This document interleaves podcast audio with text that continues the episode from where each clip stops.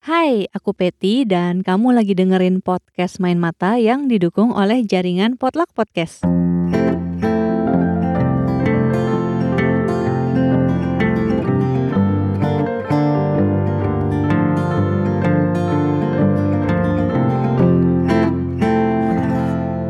Podcast Main Mata adalah podcast buku yang ngebahas banyak hal seputar dunia buku, mulai dari obrolan dengan para pelaku, juga ada rekomendasi buku, pembacaan cerpen, dan tantangan untuk kamu para pembaca.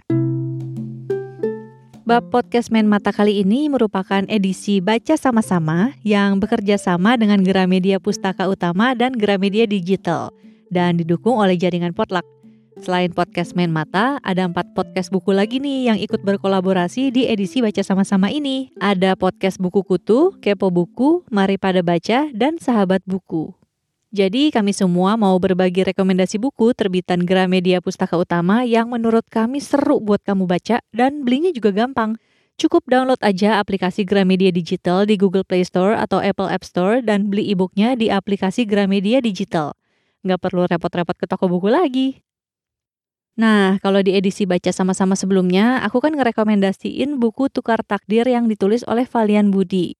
Kalau sekarang, aku mau merekomendasikan satu buku karya seorang penulis yang kayaknya nih ya, tahun ini lagi cukup banyak proyek aliwahana nih.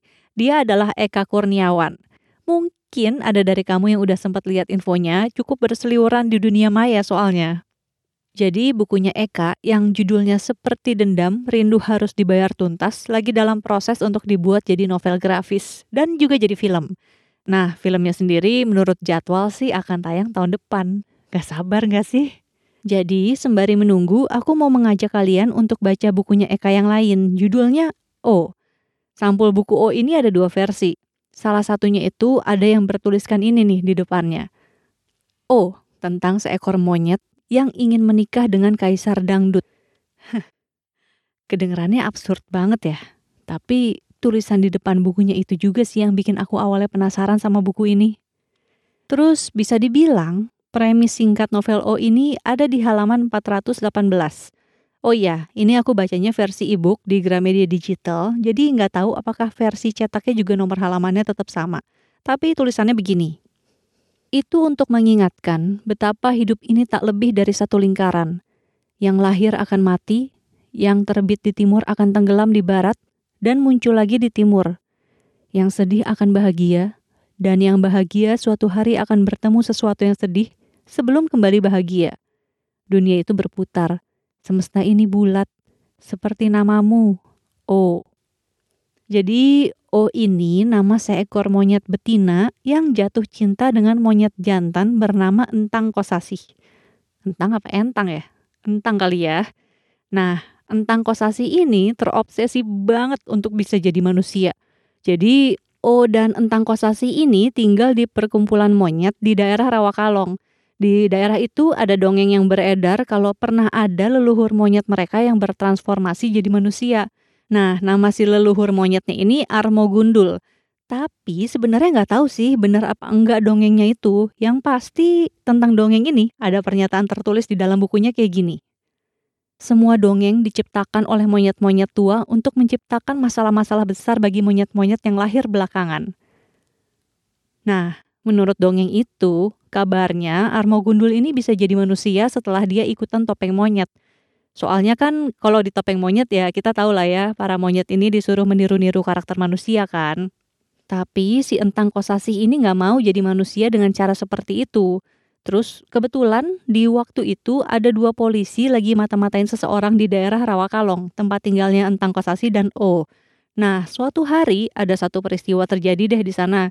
Pokoknya somehow peristiwa itu mempertemukan Entang dengan dua polisi ini. Dan dalam sekejap mata, Entang Kosasi ini bisa ngerebut revolver milik salah satu polisinya. Terus sempat terjadi tembak-tembakan, dan gara-gara peristiwa ini juga Entang Kosasi menghilang. Dia meninggalkan O sendirian. Si O ini emang kayaknya udah cinta mati banget deh sama Entang. Dia selalu percaya Entang menghilang dan berubah jadi manusia. Terus si O emang pengen banget nyari dan ketemu lagi sama Entang, maka dia pun bertekad untuk ikutan jadi manusia. Jadilah dia ikutan topeng monyet milik seorang pawang bernama Beta Lumur. Nah, dalam perjalanannya si O ikutan topeng monyetnya Beta Lumur ini, dia ketemu dengan banyak banget karakter.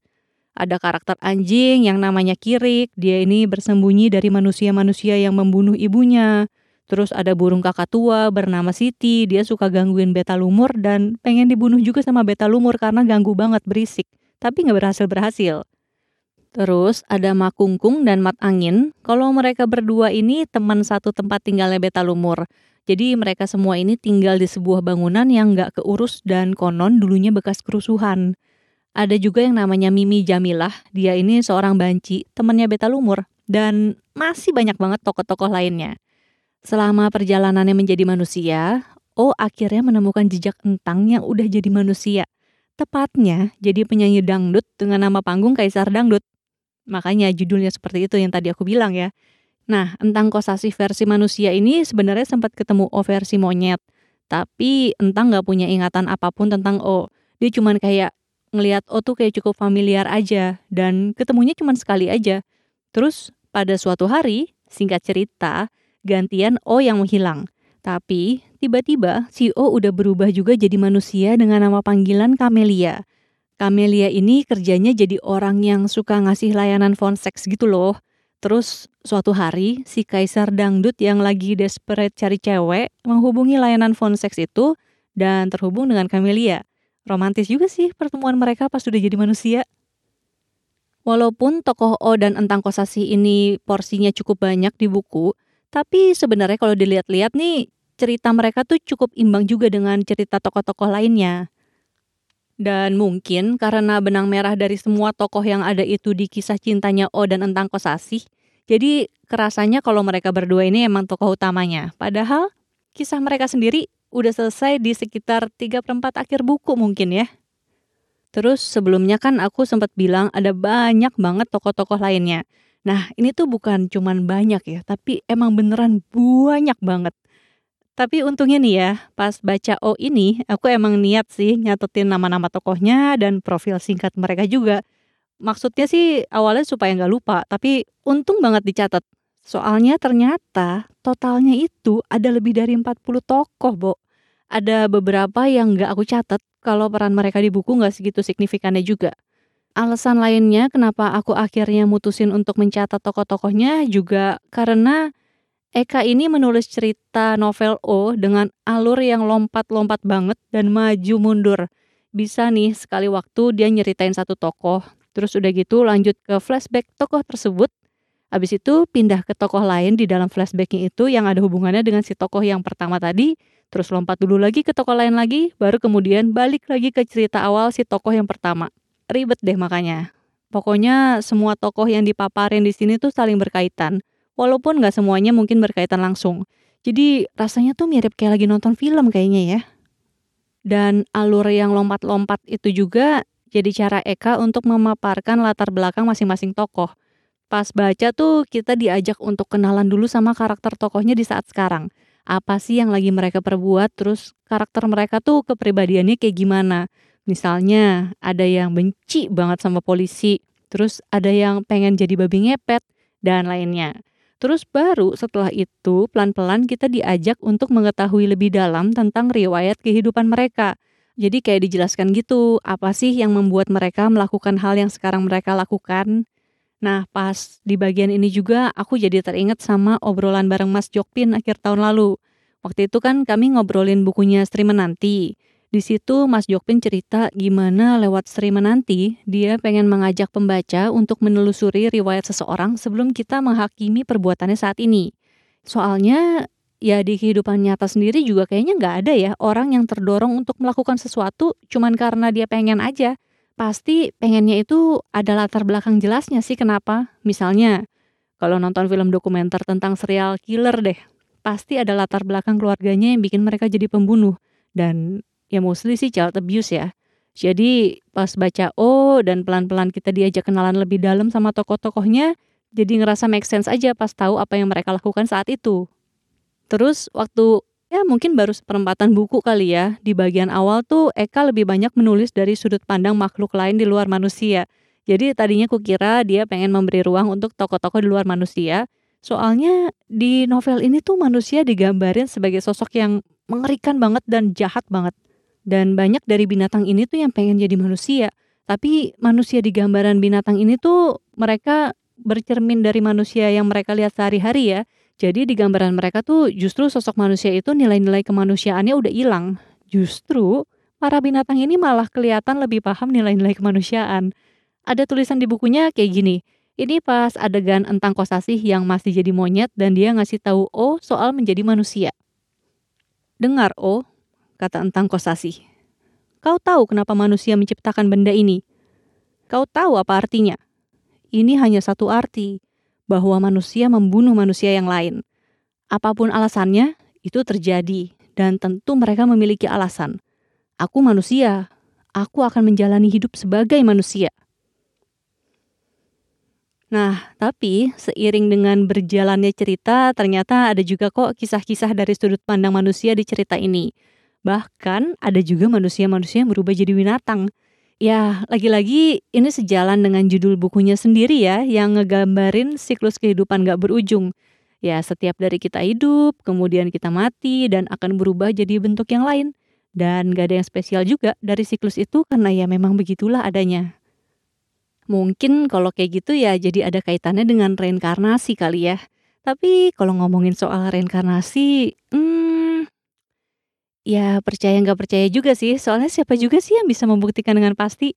Tapi mengingat makhluk hidup itu dari abu dan akan kembali ke abu, dan udah ada penelitian juga yang bilang kalau manusia itu katanya terbuat dari stardust alias debu-debu perbintangan. Bukan debu-debu intan ya guys. Oke, buat yang ngerti aja tadi. Intinya, debu-debu bintang ini juga yang menyusun tata surya dan menyusun bumi. Jadi, elemen di tubuh kita ya sepertinya memang sama sih dengan elemen yang ada di makhluk hidup lain. Jadi, ya ada kemungkinan sebagian dari kita itu binatang dan sebagian dari binatang itu manusia. Dan seperti biasa, ada banyak pemikiran dan kritik sosial yang diangkat oleh Eka di buku ini ada komentar-komentar penuh sentilan dan itu sebagian besar kayaknya justru keluar dari mulut binatang deh, bukan manusia. Walaupun ada juga sih yang dari mulut manusia, ini disampaikan lewat karakter seorang ibu yang kelihatannya dia bijak banget. Tapi kalau bisa dibilang nih ya, novel O ini menurutku juga sebuah cerita cinta.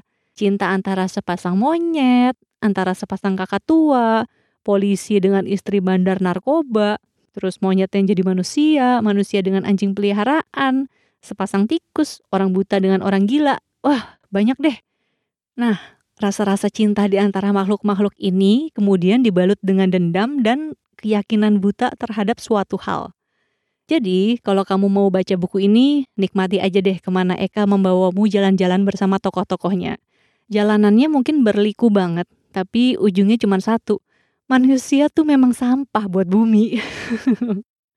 ya, jadi jangan menganggap diri kita paling spesial deh, orang kita yang paling ngancurin bumi kita sendiri kok. Kamu bisa baca versi cetak novel O dengan beli di Gramedia Online, atau kalau mau lebih gampang dan cepat, langsung baca aja versi e-booknya lewat aplikasi Gramedia Digital. Tersedia dalam versi Android dan iOS. Itu aja rekomendasi buku kali ini. Terima kasih udah dengerin edisi baca sama-sama. Bab ini bekerja sama dengan Gramedia Pustaka Utama dan Gramedia Digital, didukung juga oleh jaringan Potluck. Dengerin juga rekomendasi buku terbitan GPU lainnya di empat podcast buku yang berkolaborasi bareng buat edisi baca sama-sama ini ya. Ada podcast buku kutu, ada kepo buku, mari pada baca, dan sahabat buku. Ada dari kamu yang udah baca novel O juga mungkin? Ceritain dong pendapat kamu soal buku ini. Bisa komen atau DM podcast main mata di Instagram di @potluckpodcast atau di Twitter @podcastpotluck. Lalu, kalau kamu menyukai konten yang kami sajikan, kami akan sangat berterima kasih sekali jika kamu mau merekomendasikan podcast Main Mata ke teman-teman kamu, khususnya mereka yang suka baca buku. Jangan lupa follow podcast Main Mata di Spotify dan beri dukungan untuk jaringan Potluck dengan follow dan subscribe di SoundCloud, YouTube, dan lainnya. Untuk informasi lengkap seputar episode terbaru yang akan tayang dari channel-channel podcast yang ada, follow jaringan Potluck di Instagram @potluckpodcast. Segitu dulu. Dadah.